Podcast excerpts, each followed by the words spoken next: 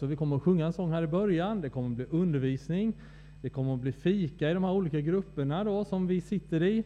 Och sen vid halv nio kommer vi tillbaka hit för att eh, ha en stund av bön och lovsång. Och då finns det också möjlighet att få förbön. Um, och där ser ni bordsplaceringen också. Jag antar att det är samma som har varit innan. Så att det, har du varit här innan då, då vet du var du ska ta vägen. Annars får du fråga någon av oss som du ser här uppe som har lite koll på, på det, förhoppningsvis. Eh, det är ju så att vi hjälps ju åt när det gäller fikat och sådär, det vet ni. Och idag är det ju så att det är grupp eh, fyra som ska diska efteråt och det är efter att det är slut alltså. Så får man stanna kvar och få den fina uppgiften att få röja upp lite efteråt. Och nästa vecka så är det grupp fem som ska hjälpa, med att plocka, hjälpa till att plocka i ordning fikat. Och då kommer man klockan sex hit till Ekumenia och hjälper till att fixa i ordning. Det var korrekt va? Yes, underbart. Um, jag skulle säga också att undervisningen spelas faktiskt in och den finns på kyrkans hemsida. Så där kan du gå in om det är någonting som du, ja men det där var bra, det vill jag höra igen, eller du vill repetera för dig själv. Så ta vara på den möjligheten också. Lovsångsteamet, välkomna fram. Therese kommer att leda oss i lovsång här tillsammans med Leif och mig. Sen får vi lite förstärkning till förbönen. Men jag tänker att vi, vi står upp tillsammans nu och så sjunger vi våran introlåt här.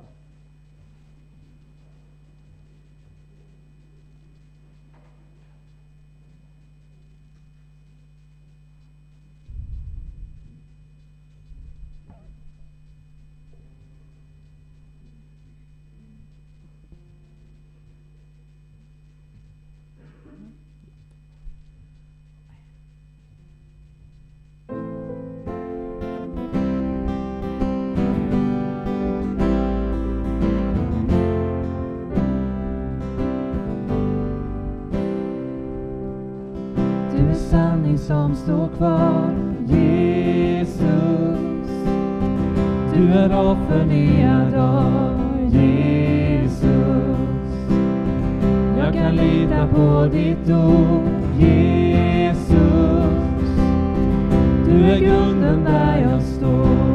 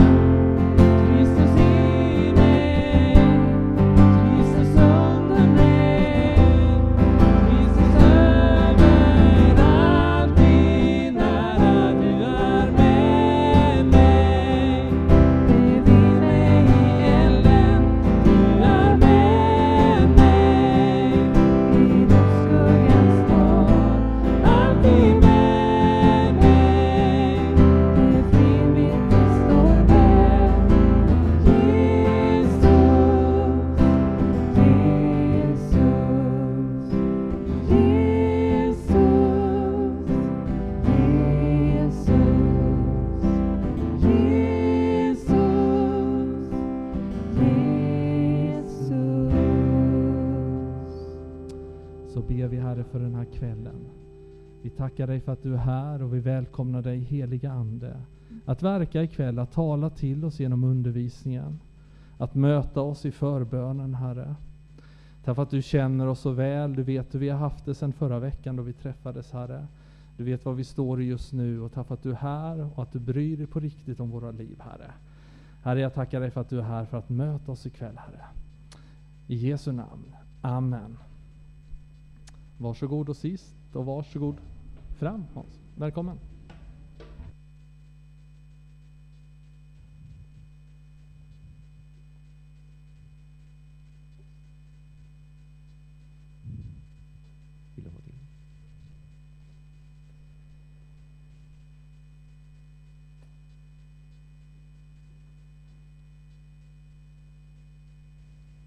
Så, välkomna tillbaks till eh, den här lärjungaskolan. Kom och se med temat att göra det bästa av resten av ditt liv. Kul att ni håller i och det känns nästan som att vi är fler ikväll än vad vi har varit tidigare. Det är ju ett positivt tecken. Ehm. Det är lite av varje man får göra. Igår var jag i Stockholm faktiskt. Då var jag eh, kallad av överstelöjtnanten. Ja, alltså inte i militära utan i Frälsningsarmén. Så att eh, vi hade en samling för den östra divisionen. Det är härliga uttryck de har i Frälsningsarmén. Eh, K-ledarna i den östra divisionen, alltså den östra delen av Sverige var samlade och så hade vi en, en hel dag om församlingen och församlingens identitet. Eh, men nu ska vi tala om någonting annat den här kvällen. Men innan jag går in på det, så låt mig säga det bara att eh, jag har med mig några böcker som, som ligger där ute där du anmäler dig förut när du kom hit första gången. Eh, en bok som jag skrev 2016 som heter Inför livets andra halvlek med underrubriken Att göra det bästa av resten av ditt liv. Eh, tesen är att man kan dela in Eh, livet, precis som en fotbollsmatch i två halvlekar. Första halvleken är viktig, men det är den andra halvleken som är den viktigaste. Eh, den avgör hur hela matchen ska sluta. Och, eh, ur den här boken hämtar jag en eh, hel del av undervisning. Så att mitt tips är, om du köper den, börja inte läsa den riktigt än. Eh, utan du kan läsa den lite senare. Vill du läsa något annat så har jag med mig en bok som kom ut 2018 som heter Mästarlikt ledarskap lärdomar från Jesu mästerliga ledarskap. Eh, en bok om ledarskap, eh, om vad vi kan lära av Jesus som ledare. Eh, Jesus är det ultimata exemplet på ledarskap skulle jag vilja säga. Så oavsett på vilken ledarskapsarena man är verksam, om man är verksam i en församling eller i ett företag eller i en förening eller om man är förälder, det är också en form av ledarskap, så kan man lära så mycket av Jesus. Jag har velat betona att den inte bara är för församlingsledare genom att be lite olika människor, och några pastorer, eh, teologer som har skrivit sån här endorsement rekommendation i början av boken. Eh, men jag har också några företagsledare, någon eh, idrottsledare, eh, en riksdagsman, politisk ledare alltså, och några som har startat en friskola, några skolledare. Så att eh, den boken om ledarskap finns och sen så eh, före jul så kom jag med den här senaste boken som heter Det finns en väg som består av 40 kröniker som jag har skrivit under perioden eh, september 2019 till oktober 2022. En ganska omtumlande period i, i, i världshistorien. När jag började skriva kröniker hade jag ingen aning om att vi skulle gå rakt in i en pandemi, att det sen skulle komma ett krig och alla möjliga utmaningar för oss. Men boken har titeln Det finns en väg. Och jag tror att det är ett budskap som behövs i den här tiden. Eh, det är lätt att fundera, finns det någon väg överhuvudtaget? Finns det någon framkomlig väg? Jo, det finns en väg. Gud är expert på att göra vägar där det inte finns några vägar, där vi inte ser några vägar. Där gör han vägar. Det har han gjort genom hela historien. Så om du skulle vara intresserad så finns de böckerna där nere och eh, då kan man swisha och så om du vill så skriver jag gärna en, en, en eh, krumelur i den också, en namnteckning. Hörrni, förra gången så talade vi om att det börjar med Gud. Och eh, idag så ska vi gå vidare och tala över ämnet om Gud finns, vem är han då? Därför att jag ville peka på förra gången att det är en himmelsvid skillnad på om Gud finns och om Gud inte finns. Det gör all skillnad i världen om vi räknar in Gud i livsekvationen eller om vi inte gör det. Och det försökte jag få fram förra onsdagen. Torsdagen. Det är torsdag idag. Jag är omtumlad efter mötet med överstelöjtnanten. Det måste vara det. Eh, men om Gud finns, vem är han då? Hurdan är han? Det är viktigt att, få klart för sig. Därför att bilden av Gud, den bild av Gud som vi kommer att ha, den kommer att vara helt avgörande för oss. Det finns två saker som präglar oss väldigt mycket och det är vår gudsbild och vår självbild. Hur jag ser på mig själv och hur jag ser på Gud, det kommer att påverka mig otroligt mycket. Men jag tänkte börja med en eh, astronomilektion. Och ställa frågan, har du fattat hur stort universum egentligen är? Det har inte jag gjort. Och det hade jag definitivt inte gjort när jag var liten. När jag var liten så sjöng vi en sång, du kanske kommer ihåg den också. Världen är så stor, så stor. Lasse, Lasse liten. Större än du någonsin tror. Lasse, Lasse liten. Är det någon som har sjungit den? Vi kanske kan ta den sen som avslutning på kvällen. Eh, när jag var liten så visste jag att världen var stor. Men jag visste inte hur stor den var.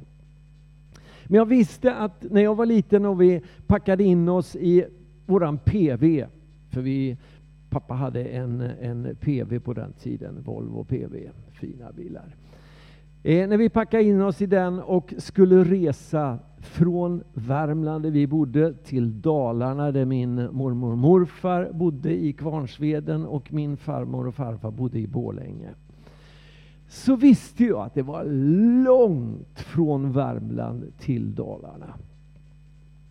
Och ändå så visste jag ju att det fanns, jag visste redan då att det fanns städer och det fanns länder som låg ännu mycket längre bort, som jag aldrig hade varit i.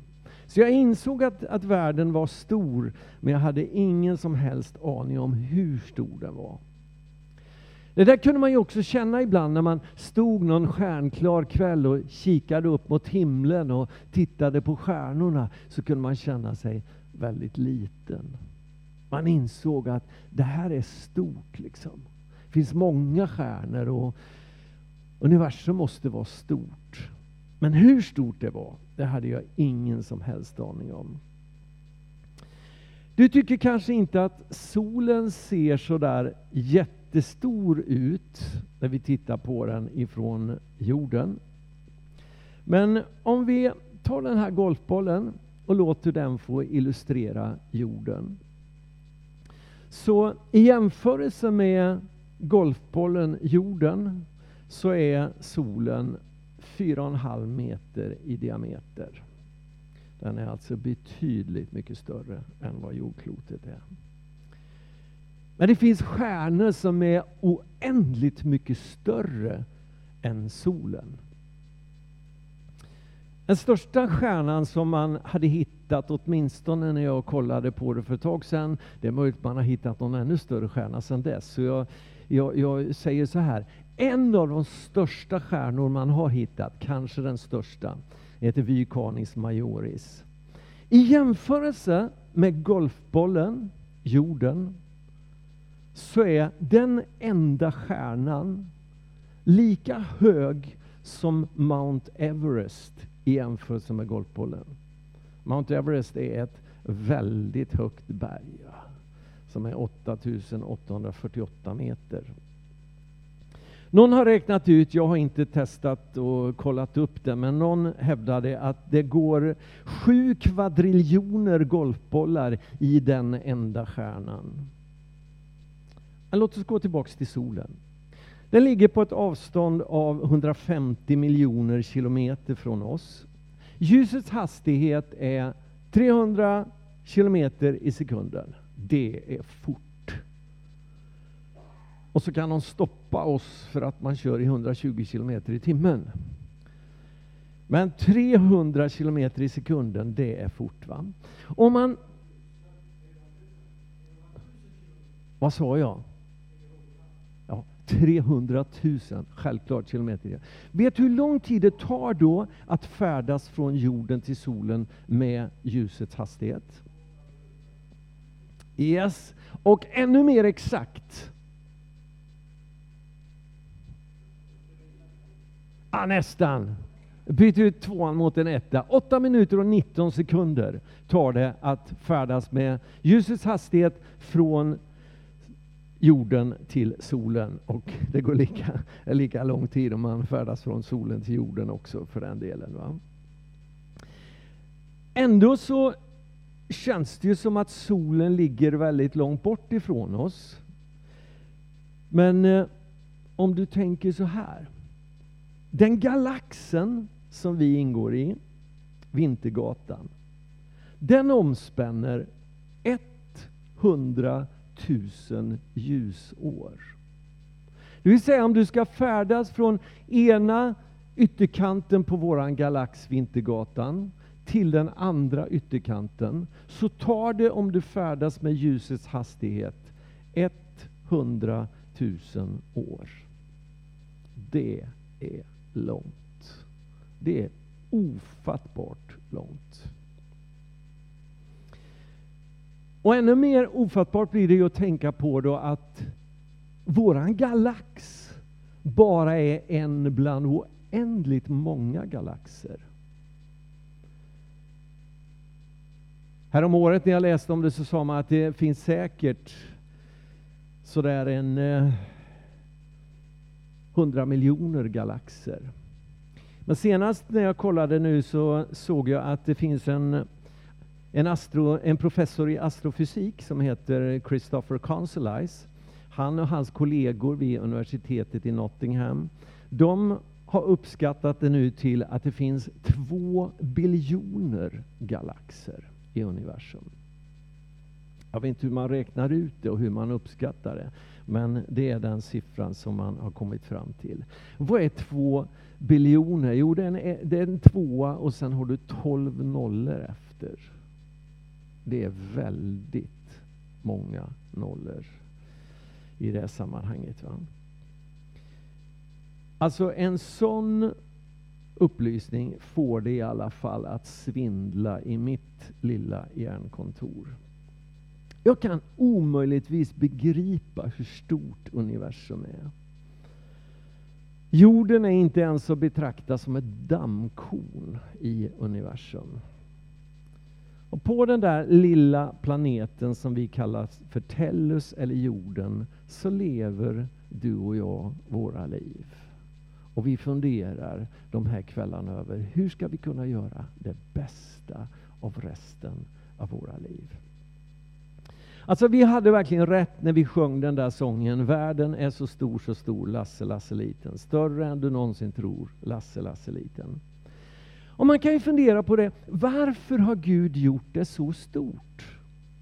Faktum var att jag träffade en, en man som är en riktig andlig sökare. Han hade skrivit eh, han hade skrivit en bok där han ställde frågor till Gud. Gud, om du nu finns, och den första frågan han ställde det var Gud, om du nu finns, för han var inte säker på det. Varför har du då gjort allting så onödigt stort? Och när jag läste den där frågan så sa jag till honom på en gång, jätteenkel fråga att besvara. Han bara tittade till på mig. Vad då? Är det enkelt att besvara? Ja, det är enkelt att besvara, sa jag. Därför att i min bibel så står det så här, i Romarbrevet 1, från vers 19. Det man kan veta om Gud är uppenbart bland dem. Gud har ju uppenbarat det för dem. Ända från världens skapelse ses och uppfattas hans osynliga egenskaper, hans eviga makt och gudomliga natur genom de verk som han har skapat.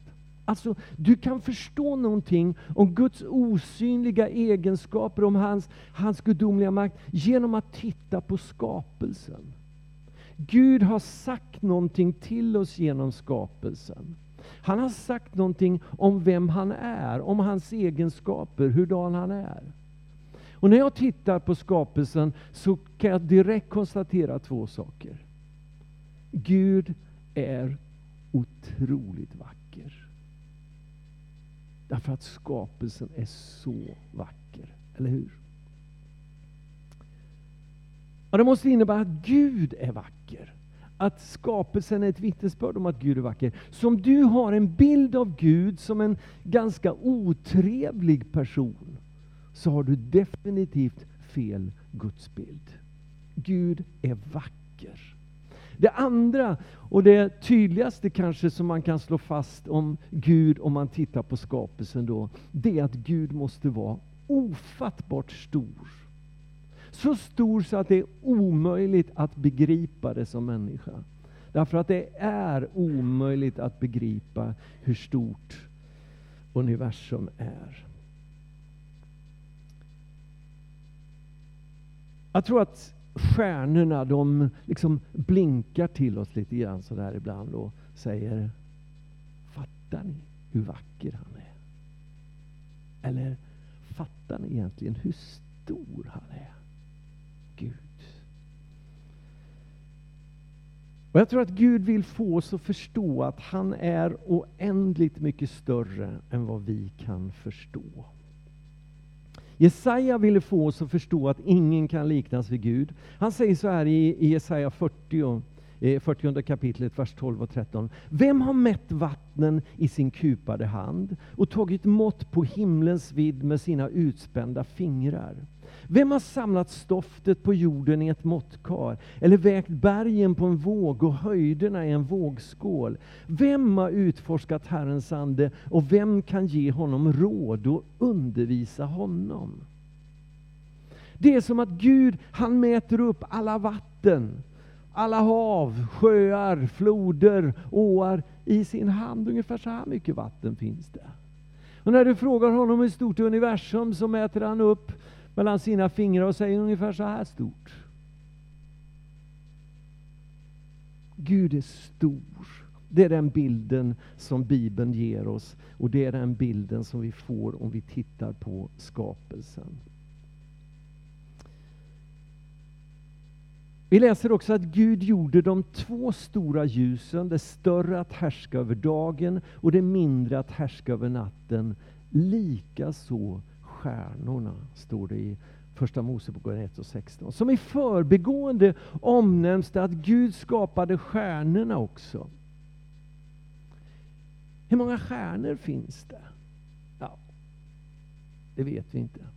Men man uppskattar att bara i våran galax, Vintergatan, så finns det någonstans mellan 100 och 400 miljarder stjärnor. Den siffra som Naturhistoriska riksmuseet anger.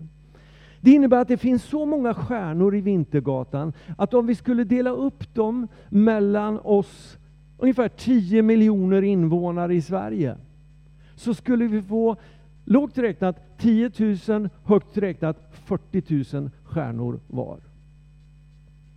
Det är ganska många stjärnor att hålla ordning på. Och så sa jag förut hur stora vissa stjärnor kan vara. Alltså, det börjar svindla lite grann i tanken nu. Va?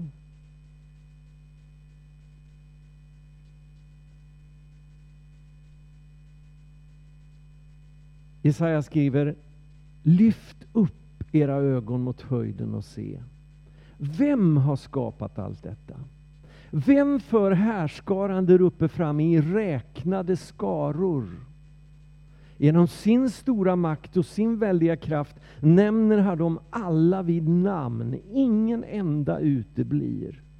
Hur kan du då, Jakob, säga, du Israel påstå, min väg är dold för Herren. Gud bryr sig inte om min rätt.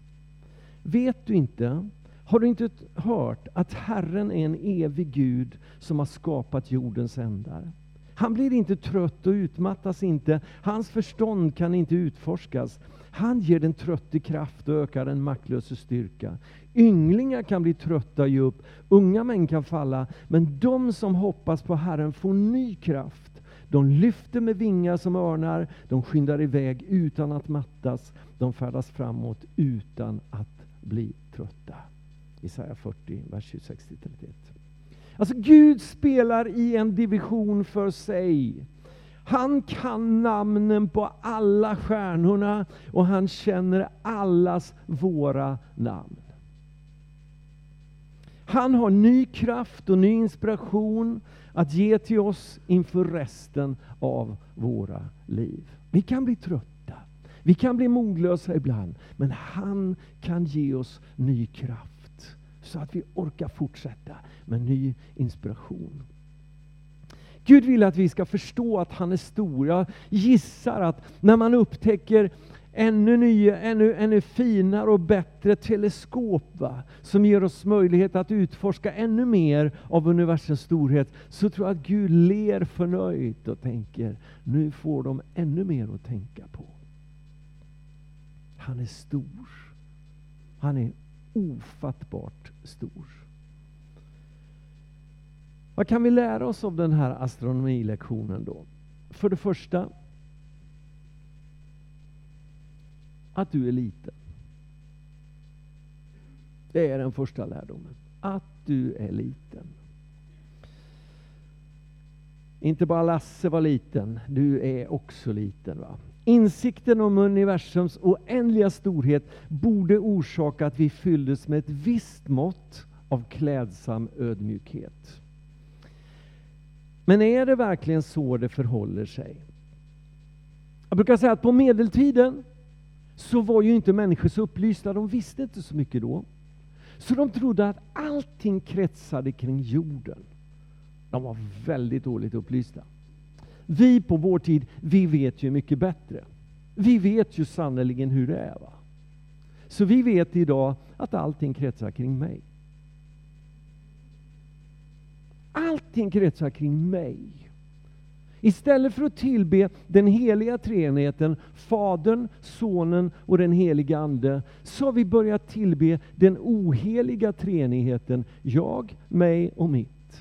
Det är jag som står i centrum, det är inte Gud som är i centrum, det är jag som är i centrum. Det är jag som är den viktigaste personen, det är jag som bestämmer hur saker och ting ska vara. Om jag tycker annorlunda om Gud, så är det han som har fel och jag som har rätt det är inte speciellt mycket ödmjukhet. Va? Förlåt att jag är lite ironisk, men i den här tiden tror jag verkligen att det är en extremt viktig lärdom att vi inser att vi människor faktiskt är ganska små i tillvaron. Det är en bra lärdom att ha med sig när vi vill göra det bästa av resten av våra liv. Och det kanske också kan vara klädsamt när vi klampar in och tror att vi på eget bevåg kan dekonstruera tron och tror oss veta bättre än Gud själv och hans ord. Om du inte har insett din egen litenhet än så tipsar jag dig om att ställa dig en stjärnklar kväll och titta upp mot himlen och så kan du gnola på den sång som jag sjöng när jag var ung och var på läger. När vi sjöng så här. När jag ser din himmel, dina fingrars verk, månen och stjärnorna som du berättar. Vad är då en människa? Vad är då en människa? Att du tänker på henne och vårdar henne väl. Det andra, den andra lärdomen, och vi ska ta den också, sen ska vi ta en liten kort bensträckare det är att Gud är stor. Risken är att vi idag förminskar Gud och gör honom till ett litet snällt gosedjur som vi kan plocka fram ur byrålådan när vi behöver lite tröst.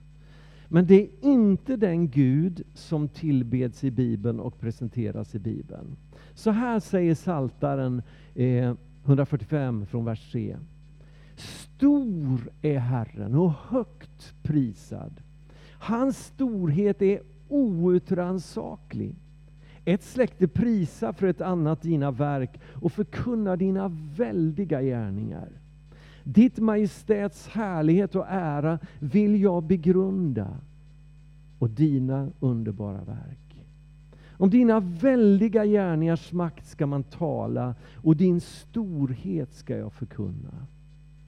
Man ska utbreda ryktet om din stora godhet och jubla över din rättfärdighet. Nådig och barmhärtige Herren, sen till vrede och stor i nåd. Hans storhet är outrannsaklig, precis som universums stor, storhet är, är ofattbart. Liksom, Outrannsakligt. Han är ofattbart stor och han är ofattbart mäktig. Han är över allt och större än allt. Och det är just en sån Gud som vi behöver. Det är inte en liten snäll, litet snällt gosedjur liksom. Va? Utan en stor, en mäktig Gud som vi behöver. Svensk kristenhet behöver en stor Guds hjälp. Vi behöver en Gud som är både fruktansvärd och älskvärd. I Narnia-böckerna så tecknar C.S. Lewis ett underbart porträtt av Jesus i Lejonet Aslan. Har ni läst Narnia-böckerna? Där, där lejonet Aslan då är en, en, en, bild på Jesus. Och I den andra delen, häxan och lejonet, så är det en av bävrarna som säger så här. Om det finns någon som kan se Aslan i ögonen utan att darra i knävecken, så är han antingen modigare än de flesta, eller också helt simpelt dum. Och en annan bäver säger, det är klart att Aslan är farlig, men han är god. Han är ju kung, vet jag.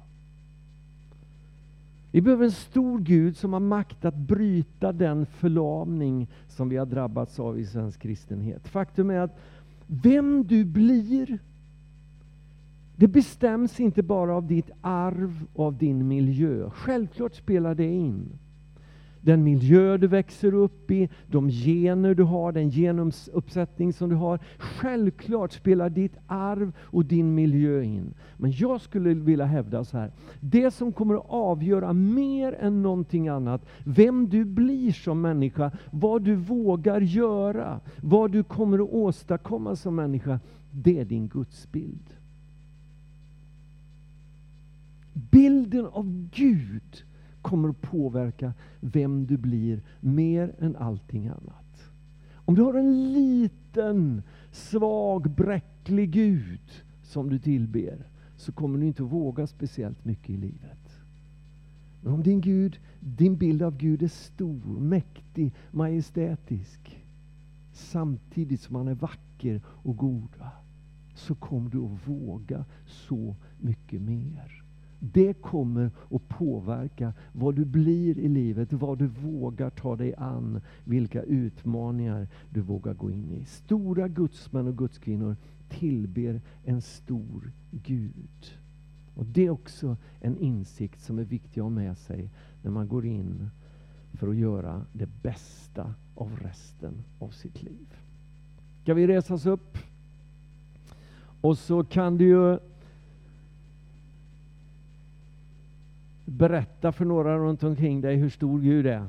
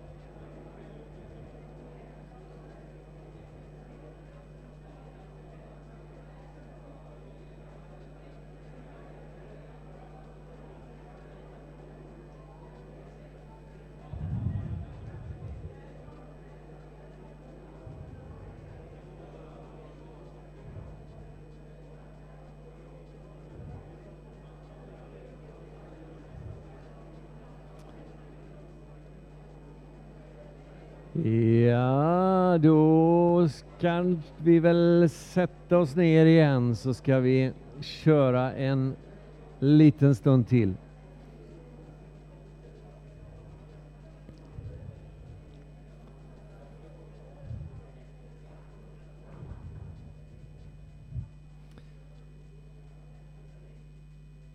Yes, hörni, för det tredje så vill jag säga så här.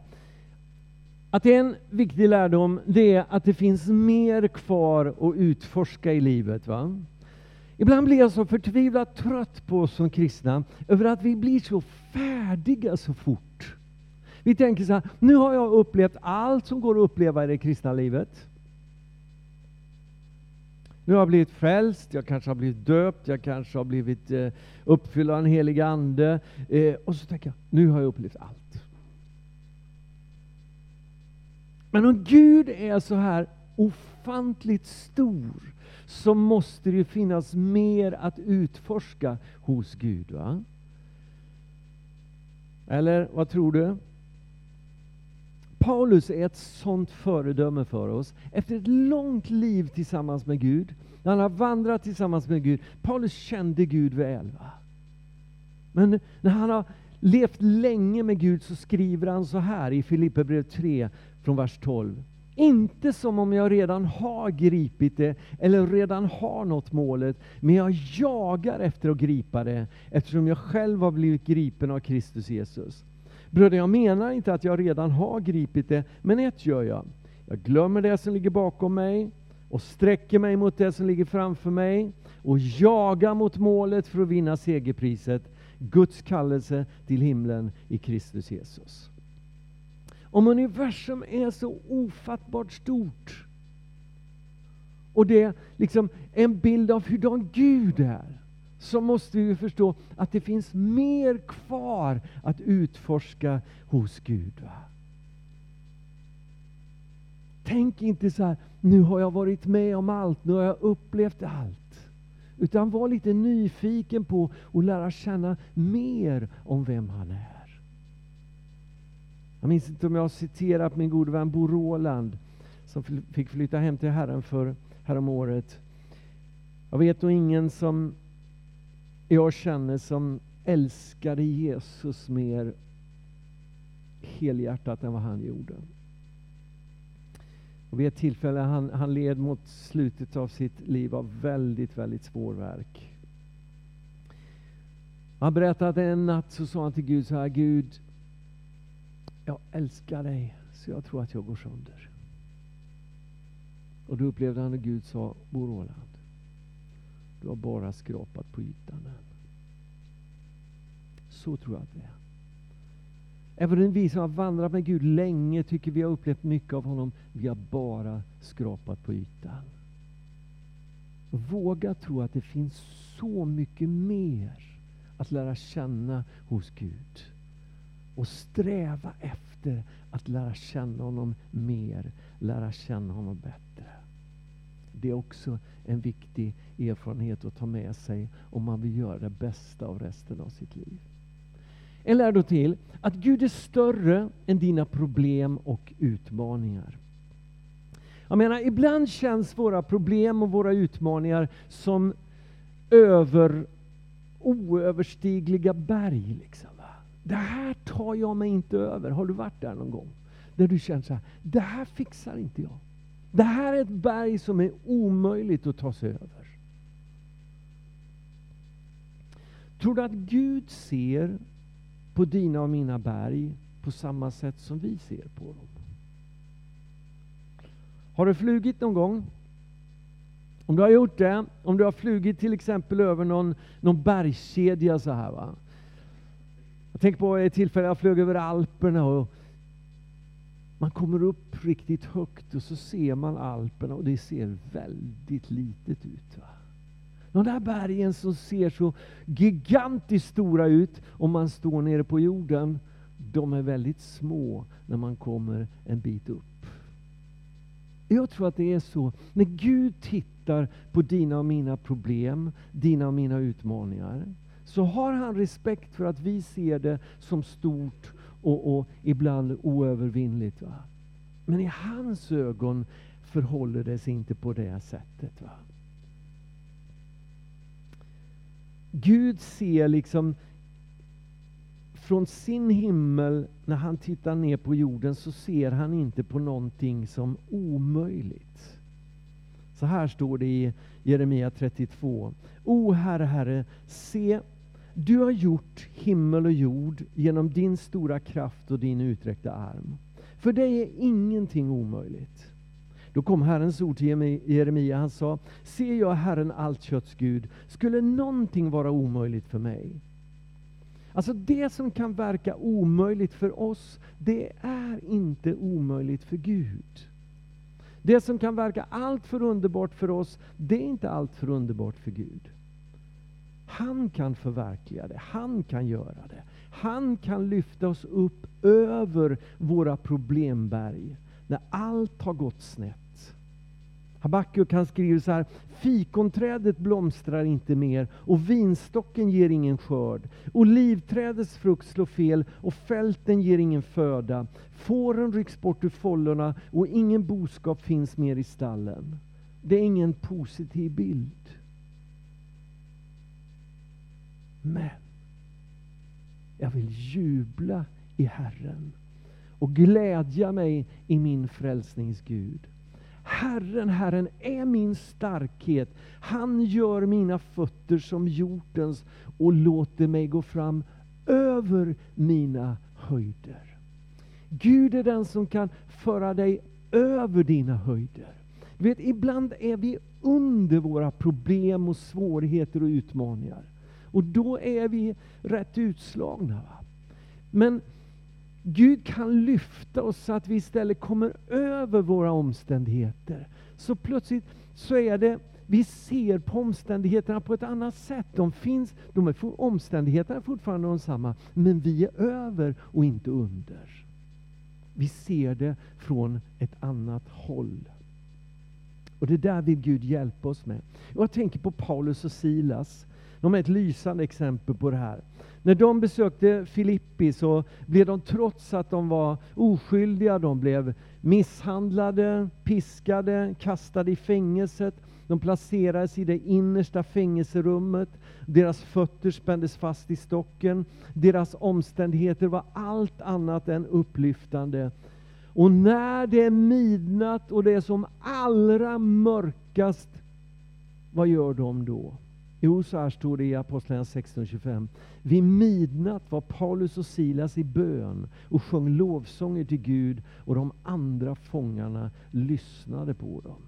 Undra på att det väckte uppmärksamhet hos de andra fångarna. När de hör de här misshandlade fångarna som sitter längst in i den, den innersta fängelsehålan vid midnatt när det är som allra mörkast sjunga lovsånger till Herren i natten. Jag menar, ingen hade kunnat anklaga Paulus och Silas om de hade väntat med lovsången tills omständigheterna hade varit mer gynnsamma. Men de prisade Gud från djupet av sina hjärtan när det var som mest mörkt och hopplöst. Och helt klart så var det inte bara medfångarna utan också himlen som lyssnade på deras lovsång i natten. För i nästa vers läser vi, plötsligt kom det ett kraftigt jordskalv så att fängelset skakades i sina grundvalar. I samma ögonblick öppnades alla dörrar och alla bojor lossnade och föll av. När vi väljer att lovsjunga Gud, att tillbe honom mitt i mörkret, mitt i de tuffa omständigheterna, mitt när vi har blivit orättvist behandlade, när kroppen verkar precis som deras ryggar verkte, så rör det Guds hjärta på ett alldeles speciellt sätt. Och då tror jag att han också kommer med sin kraft och öppnar dörrar ut i frihet för oss. Låt oss inte glömma bort det när vi försöker göra det bästa av resten av våra liv. Han är större än dina och mina problem och utmaningar. Han är också större än dina och mina misslyckanden. Ibland misslyckas vi i livet, eller? Händer det ibland? Händer oss alla. Vi ville väl, men det blev fel. Och så ägnar vi resten av våra liv till att begråta våra misslyckanden. Det skulle ha kunnat bli så för David också. Det skulle ha kunnat bli så för Petrus också. Va? De hade båda misslyckats kapitalt. Petrus hade tre gånger förnekat att han kände Jesus. David, han hade begått äktenskapsbrott och han var dessutom ansvarig till en annan människas död. Men Bibeln vittnar om en Gud som är så stor att han kan använda även misslyckade människor. Det är så bra för oss att veta. Och det behöver vi hålla fast vid när fördömelsen, djävulen kommer och fördömer oss och säger du är dålig, du är misslyckad, du är en usel människa, du gör aldrig någonting rätt, Gud kan inte använda dig. Det där är inte Guds röst. Det där är djävulens röst. När han kommer och fördömer dig och mig så behöver vi komma ihåg det här att Gud, han är så stor så att han till och med är större än våra misslyckanden. I psalm 103 står det barmhärtig och nådig är Herren, sen till vrede och stor i nåd. Han går inte ständigt till rätta och vredgas inte för evigt. Han handlar inte med oss efter våra synder och lönar oss inte efter våra missgärningar. Ty så hög som himlen är över jorden, så väldig är hans nåd över dem som fruktar honom. Så långt som öster är från väster låter han våra överträdelser vara från oss. Jag hoppas att min astronomilektion idag har gett dig nytt ljus över den här versen. Så hög som himlen är hög över jorden. Den är ganska hög. Så väldig är hans nåd över dig. Och så långt som öster är från väster, det är långt däremellan. Va? Så långt låter han dina överträdelser vara borta ifrån dig. När du ångrar dig och ber honom om förlåtelse. Så när du misslyckas, bryt bara ihop och kom igen. Det finns ett bibelord som har blivit så värdefullt för mig och det är Romarbrevet 8.28 där det står att vi vet att för de som älskar Gud samverkar allt till det bästa. För de som är kallade efter hans beslut. Gud vill inte allt som sker. Men Gud kan göra någonting i allt som sker. Gud kan låta gott komma också ur det som i sig är ont. Det är ju korset det yttersta beviset på. Det värsta som kunde hända, hände. Gud dör. Men Gud gör gott genom det för en hel värld. Ur korset strömmar välsignelse till en hel värld. Det är ett fantastiskt budskap. Vet du, det finns ingenting som kan hända dig i livet som Gud inte kan låta samverka till det bästa. Som Gud inte kan låta någonting gott få komma ur. Så stor är han. Så mäktig är han.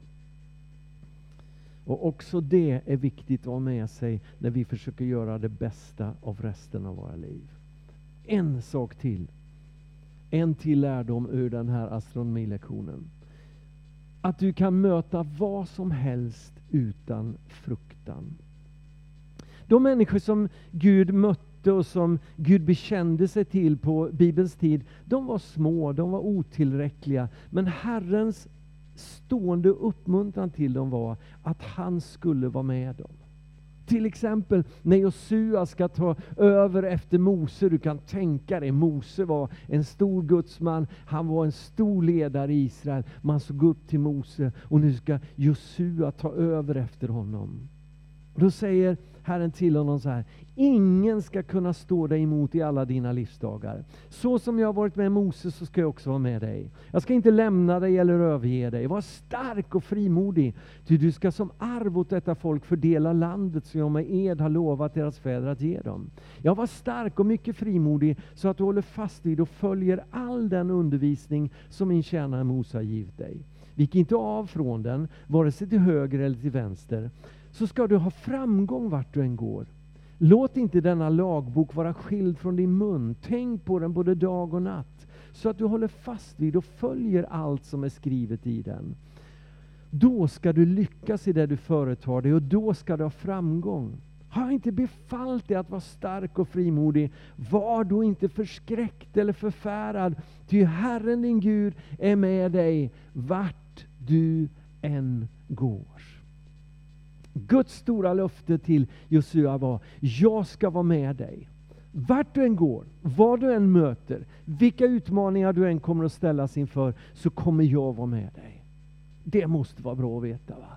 Alltså om, om du möter ett gäng riktigt stora killar en mörk natt i en trång gränd, så är det väldigt bra att ha en riktigt stor bjässe med sig. Va?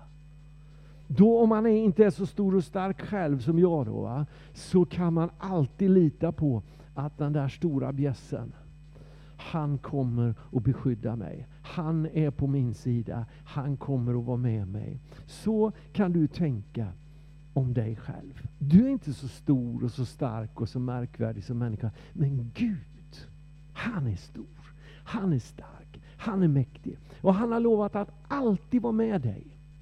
Det kanske inte alltid känns så. Men han har lovat att han är med dig alla dagar till tidens slut. Och när du känner, nu är jag rädd, nu är det en, en otäck situation här. Va? Så viskar han in i ditt öra och in i ditt hjärta. Frukta inte, för jag är med dig. När du möter de största utmaningarna i livet så viskar han till dig, frukta inte för jag är med dig.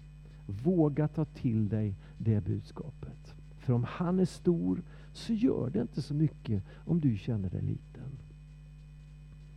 Vi är små, ynkliga människor som lever på ett pyttelitet jordklot i, en o, i ett obegripligt stort universum. Men det mest förunderliga, det är att den här store, gigantiske guden, han älskar de här små pyttesmå varelserna som lever där på planeten Tellus på jorden. Han älskar dem Men i evig kärlek. Han älskar oss så mycket så att han själv blev människa och kom hit till jorden.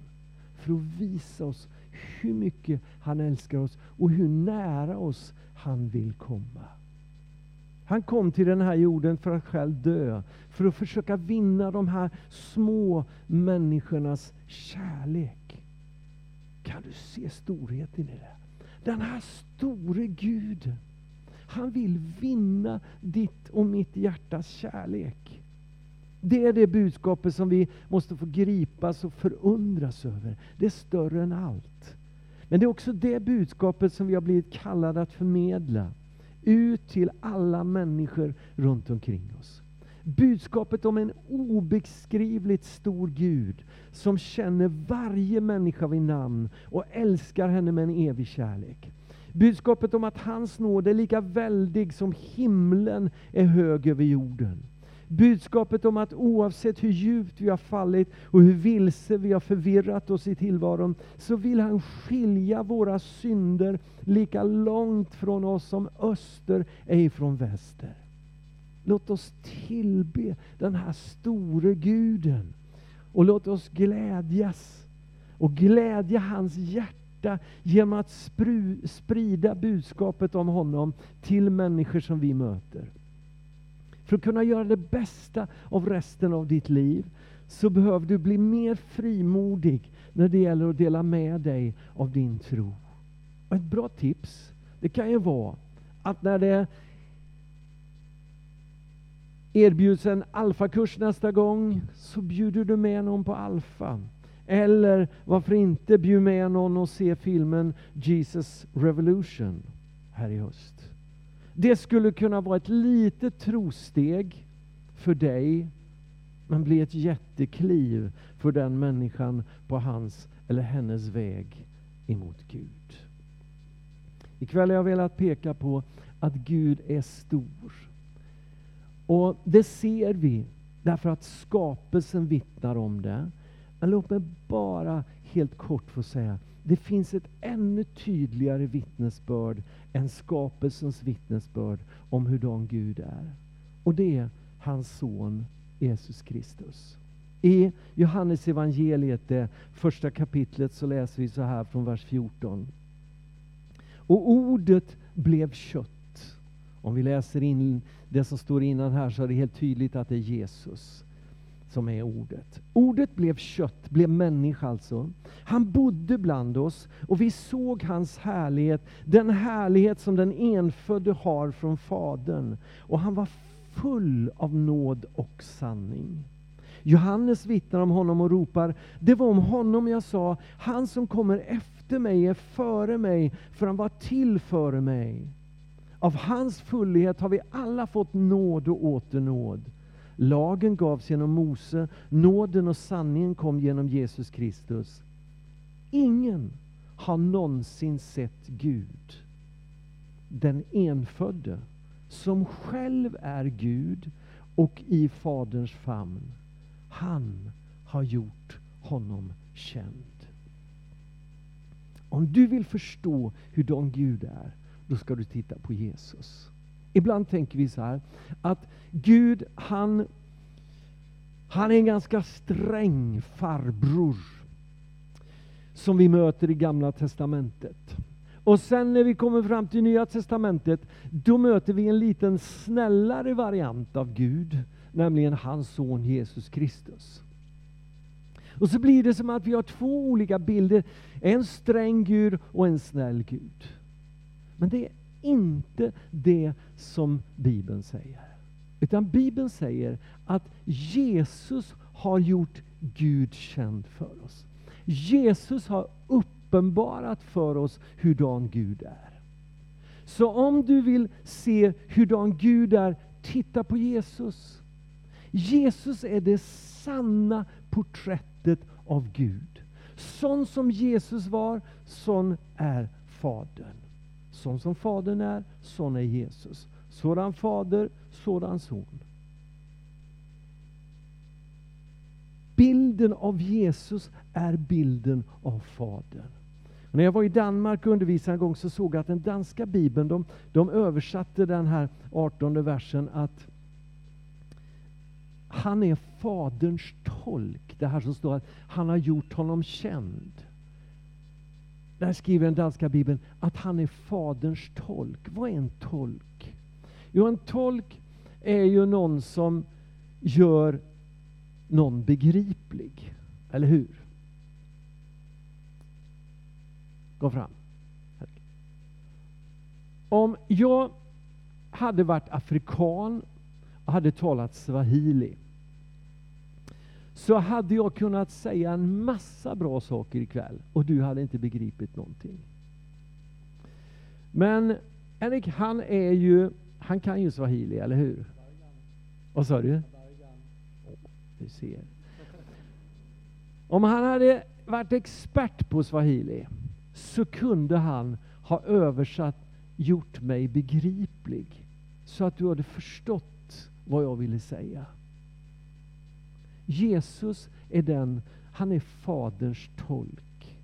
Han är den som gör Gud begriplig för oss, så att vi förstår hurdan Gud Fadern är. Han som har suttit i pappas knä, han som har varit i Faderns sköte, man skulle kunna översätta, han som har suttit i pappas knä. Sonen Jesus, han har känt på pappas muskler. Han vet att pappa, han är störst och starkast och bäst och underbarast i hela världen. Va?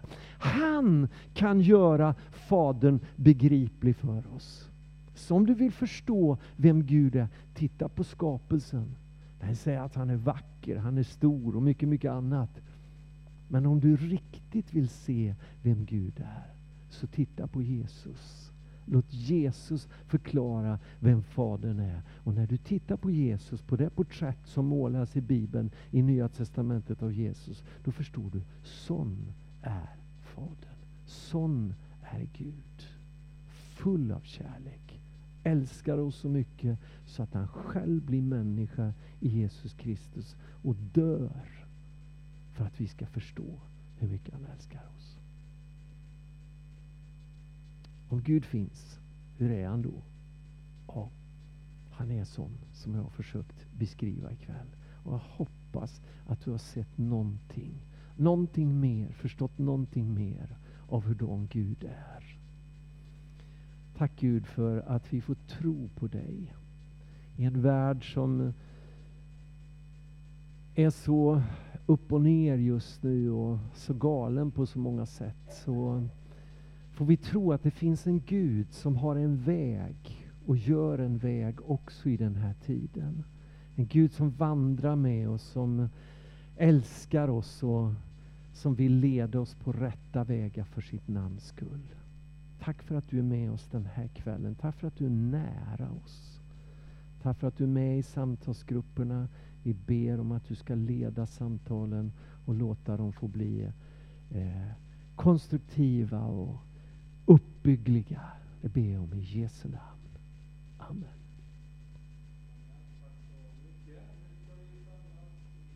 Samtalsgrupper. Eh, och idag kommer vi göra så här när vi återsamlas vid halv nio så kommer vi ge möjlighet att ställa frågor till Hans. Kanske har du suttit och klämt på någon fråga nu som du skulle vilja ställa eller det kanske kommer fram någon fråga när ni samtalar i er grupp nu. Då kommer vi att ge möjlighet för att eh, ställa de frågorna en liten stund innan vi går över i förbönen där. Eh, nu vet jag inte hur det funkar om det är någon som har kommit ny här ikväll. Ska man prata med dig då? Om man får sitta och fika eller hur, vad gäller då? Ja, yes, ja men jättebra. Japp. Då kommer grupperna här, var ni ska ta vägen och sådär. Så får ni ha trevligt fika och trevligt samtal. Ses vi vid halv igen.